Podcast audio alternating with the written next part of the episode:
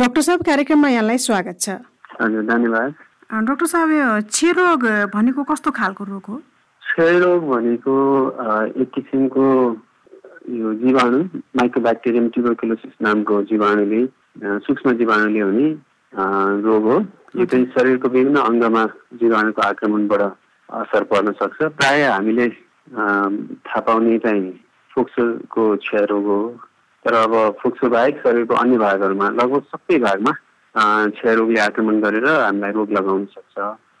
अनि यो चाहिँ एक हिसाबले विशेष गरी यो गरिब अथवा अल्प विकसित मुलुकहरूमा चाहिँ अहिले पनि धेरैजना मान्छेको मृत्युको कारण हुने खालको रोग भएको भएर यो ठुलो जनस्वास्थ्य समस्या पनि हो। अहिले नेपालमा क्षयरोगको अवस्था के छ? नेपालमा क्षयरोगबाट सङ्क्रमित हुने मान्छेहरूको सङ्ख्या अब विश्वका अधिकांश देशहरूभन्दा बढी छ जनसङ्ख्याको अनुपातमा। यहाँ चाहिँ यो अब तथ्याङ्क त मलाई ठ्याक्कै याद छैन। अब तर हाम्रो त्यो दुवै यो क्षयरोग चाहिँ दुई प्रकारका हुन्छन् यो ड्रग सेन्सिटिभ र ड्रग रेजिस्टेन्ट टिभी भनिन्छ होइन? भनेपछिको प्राय हामीले उपचार गर्दा जुन प्रोटोकलबाट औषधिहरू प्रयोग गर्छौँ ती औषधिहरूले काम गर्ने ती औषधिहरूबाट त्यो जीवाणु चाहिँ नष्ट गर्न सकिने। त्यो क्षयरोगलाई ड्रग सेन्सिटिभ टिभी भनिन्छ। तर ती औषधिसँग जुझ्न सक्ने ती औषधिलाई चाहिँ असफल बनाउन सक्ने खालको जीवाणुहरू भएले भएको क्षयरोगलाई चाहिँ ड्रग रेजिस्टेन्ट टिभी भनिन्छ। नेपालमा चाहिँ एउटा त क्षयरोगकै रोगीहरूको सङ्ख्या हरेक साल देखिने नयाँ क्षयरोगीहरूको सङ्ख्या बढी छ हाम्रो जनसङ्ख्याको अनुपातमा अरू देशहरूभन्दा होइन? अनि हाम्रोमा ड्रग रेजिस्टेन्ट टिबीको अनुपात पनि बढ्दै गएको छ। त्यो हिसाबले दुवै हिसाबले नेपालमा क्षयरोगको अवस्था चाहिँ चिन्ताजनक छ। क्षयरोग के कारणले लाग्ने गर्दछ खासमा? यो चाहिँ सङ्क्रमण भनेको चाहिँ यो जीवाणु अथवा विषाणु बाहिरी वातावरणबाट मानिसको शरीरभित्र प्रवेश गर्नु पर्यो। अब क्षयरोगको हकमा चाहिँ प्राय त्यस्तो चाहिँ व्यक्तिबाटै व्यक्तिमा सर्ने भयो। कोही क्षयरोगी को सम्पर्कमा चाहिँ अर्को मान्छे गयो र उसको श्वासको छिटाहरूबाट चाहिँ त्यो अर्को मान्छेको शरीरमा त्यो फोक्सोतिर अथवा शरीरको भनौँ न स्वास्थ्य प्रश्वास प्रणालीमा त्यो किटाणुले प्रवेश पायो भने अनि त्यो किटाणु चाहिँ गएर फोक्सोमा बस्छ अथवा कहिलेकाहीँ शरीरको अन्य भागहरूमा पनि गएर बस्न सक्छ। अनि त्यहाँ चाहिँ सुरक्षित भएर बसिरहन्छ लामो समयसम्म। अनि केही वर्षपछि कहिलेकाहीँ केही महिनापछि तर धेरै जसो केही वर्ष अथवा केही दशकपछि अनि त्यो मान्छेमा चाहिँ रोगको लक्षण देखिन सक्छ। भनेपछि यो चाहिँ व्यक्तिबाट सर्ने रोग हो। आज सर्ने बित्तिकै भोलि इन्फेक्सनको लक्षण देखिन्छ भन्ने छैन। तपाईँको रोगसँग लड्ने क्षमता कमजोर छ भने अलिक चाँडै इन्फेक्सनको लक्षणहरू देखिन्छ। रोगसँग लड्ने क्षमता अलिक बलियो छ भने जुन बेला तपाईँको क्षमता कमजोर हुन्छ तपाईँ अलि उमेरले उमेर बढ्दै जाँदा अथवा शरीरले चाहिँ अलिक धेरै तनावहरूबाट गुज्रिरहेको बेला अथवा तपाईँले चाहिँ कुनै क्यान्सर किमोथेरापी जस्तो किको उपचार गर्नु पर्यो र रोग प्रतिरोधी क्षमता चाहिँ अलिक कमजोर हुने औषधिहरू खानु पर्यो भने त्यस्तो खानु परेको बेला चाहिँ क्षयरोग देखिन सक्छ। यसका लक्षणहरू कस्ता कस्ता हुन्छन्? कसरी थाहा पाउने? यो चाहिँ अब शरीरको कुन भागमा सङ्क्रमण भएको छ त्यसको आधारमा लक्षणहरू फरक हुन सक्छन्। प्राय चाहिँ अब जस्तो धेरै जस्तो नेपालीको कुरा गर्ने हो भने चाहिँ हाम्रो सानैमा नै क्षयरोगीहरूसँग सम्पर्क भइरहेको हुन्छ किनभने समुदायमा क्षयरोगका मान्छेहरू धेरै छन्। अहिले पनि। अनि र यो क्षयरोग चाहिँ टाढा टाढासम्म पनि हावाबाट सर्न सक्ने रोग हो। विशेष गरी यो बन्द कोठाहरूमा चाहिँ त्यो तपाईँ तिन फिट छ फिटभित्रै बस्नुपर्छ भन्ने छैन। तपाईँ त्यही कोठामा त्यही हलमा हुनुहुन्छ भने अलिक टाढा बसेको मान्छेलाई पनि त्यो किटाणु सर्न सक्छ। अनि त्यसो हुँदाखेरि त्यो सानोमा नै प्रायः हाम्रो एक्सपोजर भइसकेको हुन्छ। यो क्षयरोगको किटाणुले चाहिँ शरीरभित्र प्रवेश गरिसकेको हुन्छ। अब त्यसरी सुरुमा प्रवेश गर्दाखेरि केही दिन ज्वरो आउने अनि यस्तो लिम्फ नोडहरू चाहिँ सुनिने अथवा खोकी लाग्ने होइन त्यस्ता लक्षणहरू हुन सक्छन्। अनि त्यसपछि त्यो अधिकांशको चाहिँ त्यो सिम्टम्सहरू हराउँछ त्यसपछि होइन ज्वरो पनि आउँदैन सबै चिज ठिक हुन्छ। अनि पछि जब फेरि त्यो त्यो किटाणु चाहिँ सुसुप्त अवस्थामा रहेको किटाणु चाहिँ हाम्रो रोग प्रतिरोधी क्षमता अलिक कमजोर भएको मौका पारेर अलि त्यो किटाणु फेरि बढ्न आफ्नो सङ्ख्या बढाउन थाल्छ शरीरभित्र आक्रमण गर्न थाल्छ। त्यो बेला चाहिँ अनि हामीलाई अब त्यो कुन अङ्गमा त्यो किटाणु पुगेको छ त्यही अनुसार अब लक्षणहरू हुनसक्छ जस्तो धेरै जस्तो चाहिँ फोक्सोको समस्या हुने हुँदा खोकी लाग्ने अनि पहेँलो खकारहरू आउने अनि ज्वरो आउने धेरै होइन टाउको दुख्ने खलखली पसिना आउने लुगा भिज्ने गरी यस्ता लक्षणहरू हुन्छन्। बढी फोक्सोको क्षयरोगीहरूमा खान मन नलाग्ने दुब्लाउँदै जाने। अब यो चाहिँ ज्वरो खान मन नलाग्ने दुब्लाउँदै जाने यस्ता चिजहरू चाहिँ शरीरको जुनसुकै भागमा पनि क्षयरोग हुँदाखेरि हुनसक्छ अनि त्यसबाहेक अब जस्तो कसैलाई पेट दुख्ने समस्या होला यदि पेटभित्र क्षयरोग छ भने होइन अथवा पिसाबमा चाहिँ रगत आउने अथवा पिसाबमा समस्या हुने देखिएला होइन यदि मूत्र प्रणालीको पिसाब प्रणालीको चाहिँ समस्या छ भने अथवा तपाईँको मेनिन्जाइटिस हुनसक्छ है टिबी मेनिन्जाइटिस भने टाउको धेरै दुख्ने एकदम बेसुर जस्तो हुने होइन त्यस्ता कुराहरू हुन सक्छन् भनेपछि बाँकी चाहिँ अब शरीरको त्यो लक्षण चाहिँ अङ्ग अनुसार फरक हुनसक्छ। जस्तै यो सरुवा रोग पनि हो भन्नुभयो। यो एक पिँढीबाट अर्को पिँढीमा सर्ने सम्भावना के छ? अब प्राय चाहिँ यो श्वास प्रश्वासबाटै सर्छ होइन? अब एक पिँढीबाट अर्को पिँढीमा पनि सर्न सक्छ होइन? जस्तो आमालाई क्षयरोग छ भने आमाले बच्चालाई बोकेको बेला बच्चाले एकदम नजिकबाट सास फेरेको बेला बच्चालाई पनि सर्न सक्छ भन्दा त्यो पुस्ताबाट पुस्तामा सरेको चाहिँ हो। तर पाठेघरभित्रैबाट सर्ने चाहिँ एकदम त्यस्तो सम्भावना हुँदैन होइन? अनि यो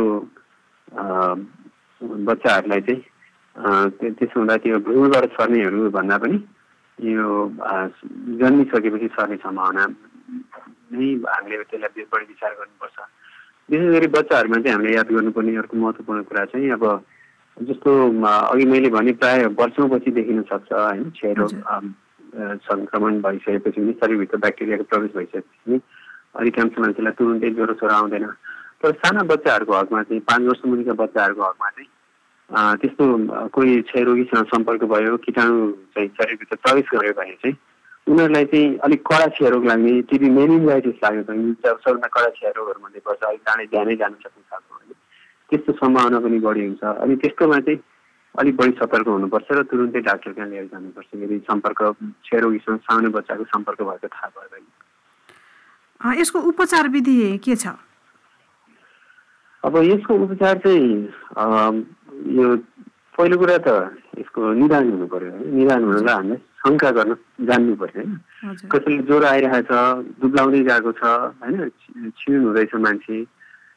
के के के कारणले हो स्पष्ट छैन तर खान मन लागेको छैन दुब्लाउँदै गएको छ जिङ हुँदै गएको छ भन्ने जस्तो लाग्यो भने अथवा कसैलाई खलखली पसिना आइरहन्छ अथवा राति राति ज्वरो आउँछ होइन? अथवा कसैलाई खोकी मात्रै लागिरहेको छ खोकी लागेको छ सन्चो भएकै छैन। होइन? त्यो लामो समयदेखि यस्ता विभिन्न लक्षणहरू छन् भने अथवा खकारमा रगतहरू आयो भने त्यसो भने यो क्षयरोग हुनसक्छ है भने पहिला त्यो शङ्का हुनु पऱ्यो। त्यसपछि बल्ल अनि डाक्टर कहाँ जानु पऱ्यो देखाउनु पऱ्यो।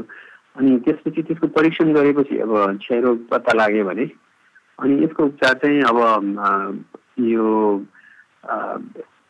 क्षयरोगको प्रकार अनुसार अघि मैले भने ड्रग रेजिस्टेन्ट हो कि ड्रग सेन्सिटिभ हो?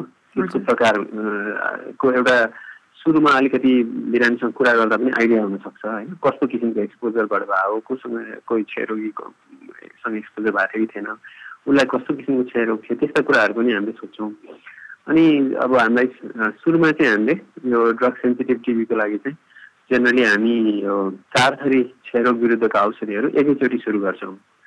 अनि त्यसमा अब रोग अनुसार अरू थप औषधि पनि दिनुपर्ने हुन्छ। अनि एउटा मात्रै औषधि अथवा दुईवटा मात्रै औषधिले यो ठिक हुँदैन। र फेरि यो एक दुई हप्ता अथवा एक दुई महिना मात्रै दिएर पनि यो ठिक हुँदैन। त्यसो हुँदा क्षयरोगको चाहिँ अब लामो समय उपचार गर्नुपर्ने धेरै धेरै औषधि दिनुपर्ने भएको कारणले अनि अब साइड इफेक्ट्सहरू पनि हुनसक्छ औषधिको होइन? बढी त्यो हुने सम्भावना पनि बढी भयो। त्यसो हुँदा हामी पहिलो कुरा चाहिँ डायग्नोसिस नै पक्का गर्न खोज्छौँ र सकेसम्म डायग्नोसिस गर्दा नै यो चाहिँ ड्रग सेन्सिटिभ हो कि ड्रग रेजिस्टेन्ट हो छुट्याउन खोज्छौँ। त्यसपछि त्यसअनुसार हामी औषधि दिन्छौँ। अब ड्रग सेन्सिटिभ टिबीको लागि सामान्यतया छ महिनासम्म औषधि दिँदा ठिक हुन्छ। अधिकांश ड्रग सेन्सिटिभ टिबी निश्चित अङ्गको टिबीलाई नौ महिना अथवा बाह्र महिनासम्म दिनुपर्ने हुनसक्छ। अब ड्रग रेजिस्टेन्ट टिबी चाहिँ अब अहिलेसम्म प्राय हामीले एक वर्षदेखि अठार महिनासम्मको उपचार विधिहरू प्रयोग गर्नुपर्ने हुन्छ। त्यो बेला चाहिँ चारवटाभन्दा बढी औषधि चाहिने छ सातवटैसम्म चाहिने कहिलेकाहीँ इन्जेक्सनै लगाइरहनु पर्ने दिन दिने अथवा हप्तामा दुई तिनचोटि होइन? त्यस्तो ड्रग रेजिस्टेन्स भए पनि हुन्छ। तर त्यो पनि अहिले चाहिँ अब धेरै सिम्प्लिफाई हुँदैछ। अब बिस्तारै नेपालमा पनि अब यो छोटो समयकै होइन? यो क्षयरोगको ड्रग्स रेजिस्टेन्ट टिभीको लागि पनि छोटो समयकै थोरै औषधि दिएर अहिले नयाँ खालको औषधिहरू दिएर उपचार गर्ने विधिहरू चाहिँ प्रयोग हुने अवस्था चरणमा पुग्दैछौँ हामी। त्यो कारणले अब पहिलाभन्दा अलिक सिम्प्लिफाई हुँदैछ यो ट्रिटमेन्ट। जस्तै यहाँले भन्नुभयो औषधि लामो समय प्रयोग गर्नुपर्छ भन्नुभयो। औषधिहरू अहिले नेपालमा पनि उपलब्ध छ। यो कतिको प्रभावकारी भइरहेको छ? बिचैमा छोड्ने अवस्था या लामो समयसम्म खाइरहेका बिरामीहरूको अवस्था के छ? अब यस्तो औषधिको प्रभावकारिता भने चाहिँ दुई किसिमले हेर्नुपर्छ होइन एउटा चाहिँ बिरामीले को क्षयरोग निदान भयो उसलाई औषधि दियो अनि त्यो औषधिले साँच्चै उसलाई निको पार्छ कि पार्दैन भन्ने प्रश्न छ नि। त्यसमा चाहिँ अब राम्रोसँग बिरामीको निदान गर्ने हो उसलाई राम्रोसँग फलोअप गर्ने हो डाक्टरले फलोअप गरेर उसको अब भनौँ न उसलाई समस्या के छ त्यो अनुसार औषधिको चाहिँ केही मोडिफाई गर्नै पर्ने भयो भने त्यो अनुसार मोडिफाई गर्ने तर बिरामीले औषधि नछुटाउने होइन? अनि उपयुक्त जे जे गर्नुपर्ने चिज गर्दै जाने हो भने औषधिको प्रभावकारिता एकदम लगभग शत प्रतिशत छ होइन? अब ड्रग रेजिस्टेन्ट टिबी नै पनि निको हुन्छ होइन? शत प्रतिशत जस्तै निको पार्न सकिन्छ। तर त्यो चाहिँ औषधिको प्रभावकारिता हो त्यसले किटाणु मार्न सक्छ सक्दैन बिरामीको पार्न सकिन्छ कि सकिँदैन भने एउटा सैद्धान्तिक प्रश्न हो। तर व्यवहारमा सबै क्षयरोगी प्रतिशत निको हुन्छ नि त भन्ने प्रश्नमा चाहिँ। अब यो चाहिँ जन स्वास्थ्यको प्रश्न हो कि? भनेपछि हामीले बिरामीलाई ल औषधि छ त्यहाँ स्वास्थ्य केन्द्रमा औषधि छ लिन जानु होला भनिदिएर मात्रै त भएन नि त। बिरामीले पनि औषधि खानु पर्यो सिकाए जसरी नियमित रूपमा नछुट्याइकन है? खानुपर्ने यो समयमा दिनको यो समयमा यसरी खानु भनेको त्यो अनुसार खानु पर्यो। अनि त्यसपछि उसको निश्चित किसिमका त्यो औषधिसँग रिलेटेड साइड इफेक्ट्सहरू हुन सक्छन्। त्यसको निगरानी हुनु पर्यो। अनि अब बिरामीलाई कुनै औषधि चाहिँ पचाउन गाह्रो भयो होइन? शरीरले सहन सकिँदैन त्यसको रियाक्सनहरू भयो भने त्यसको विकल्पमा अरू उपयुक्त औषधिहरू दिन सक्नु पर्यो। होइन? अनि त्यसको लागि चाहिँ त्यो अलिक इन्टेन्स किसिमको चाहिँ बिरामी डाक्टर बिचको सहकार्य चाहिन्छ कि? र स्वास्थ्य केन्द्रको सहकार्य चाहिन्छ होइन? त्यो गर्न सकियो त्यो क्षयरोगीलाई पुर्याउन सक्यो अरू क्षयरोगीलाई त्यो ठाउँमा नियमित रूपमा पुर्याउन सक्यो भने अब यो बाहिर पनि सबैलाई यसले निको पार्न सकिन्छ।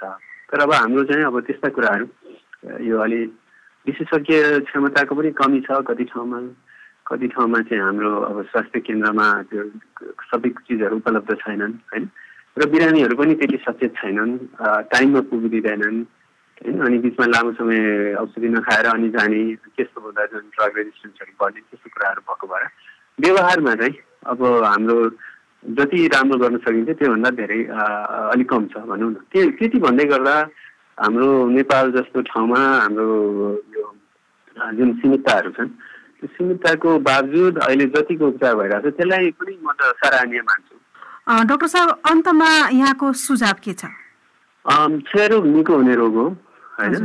क्षयरोग निको पार्न सकिन्छ पुरै निको पार्न सकिन्छ। यसमा केही निश्चित सावधानीहरू अप्नाउनुपर्छ। यो भने नि डाक्टर बिरामीहरू बिच एकदम सघन सहकारी हुनुपर्छ। र त्यो हामीले चाहिँ सबै सही तरिकाले उपचार गर्दै गयो भने एकदम कडा खालको ड्रग रेसिस्टेन्ट क्षयरोग पनि निको हुनसक्छ। र अर्को चाहिँ यो जनस्वास्थ्यको समस्या पनि हो अरूलाई पनि सर्न सक्छ। त्यसो हुँदा क्षयरोगीको ले पनि अहिले मास्क लगाउने बाहिर जाँदा। र अरूलाई पनि त्यस्तो वरिपरि बस्ने मान्छेले पनि मास्क लगाउने होइन? त्यस्ता कुराहरू याद गर्ने अलिकति आफू जोगिने अरूलाई जोगाउने त्यस्तो हामी सबैले अभ्यास गर्नुपर्छ। हवस् त डक्टर साहब समय दिनुभयो। यसको लागि यहाँलाई धेरै धेरै धन्यवाद छ। हस् धन्यवाद।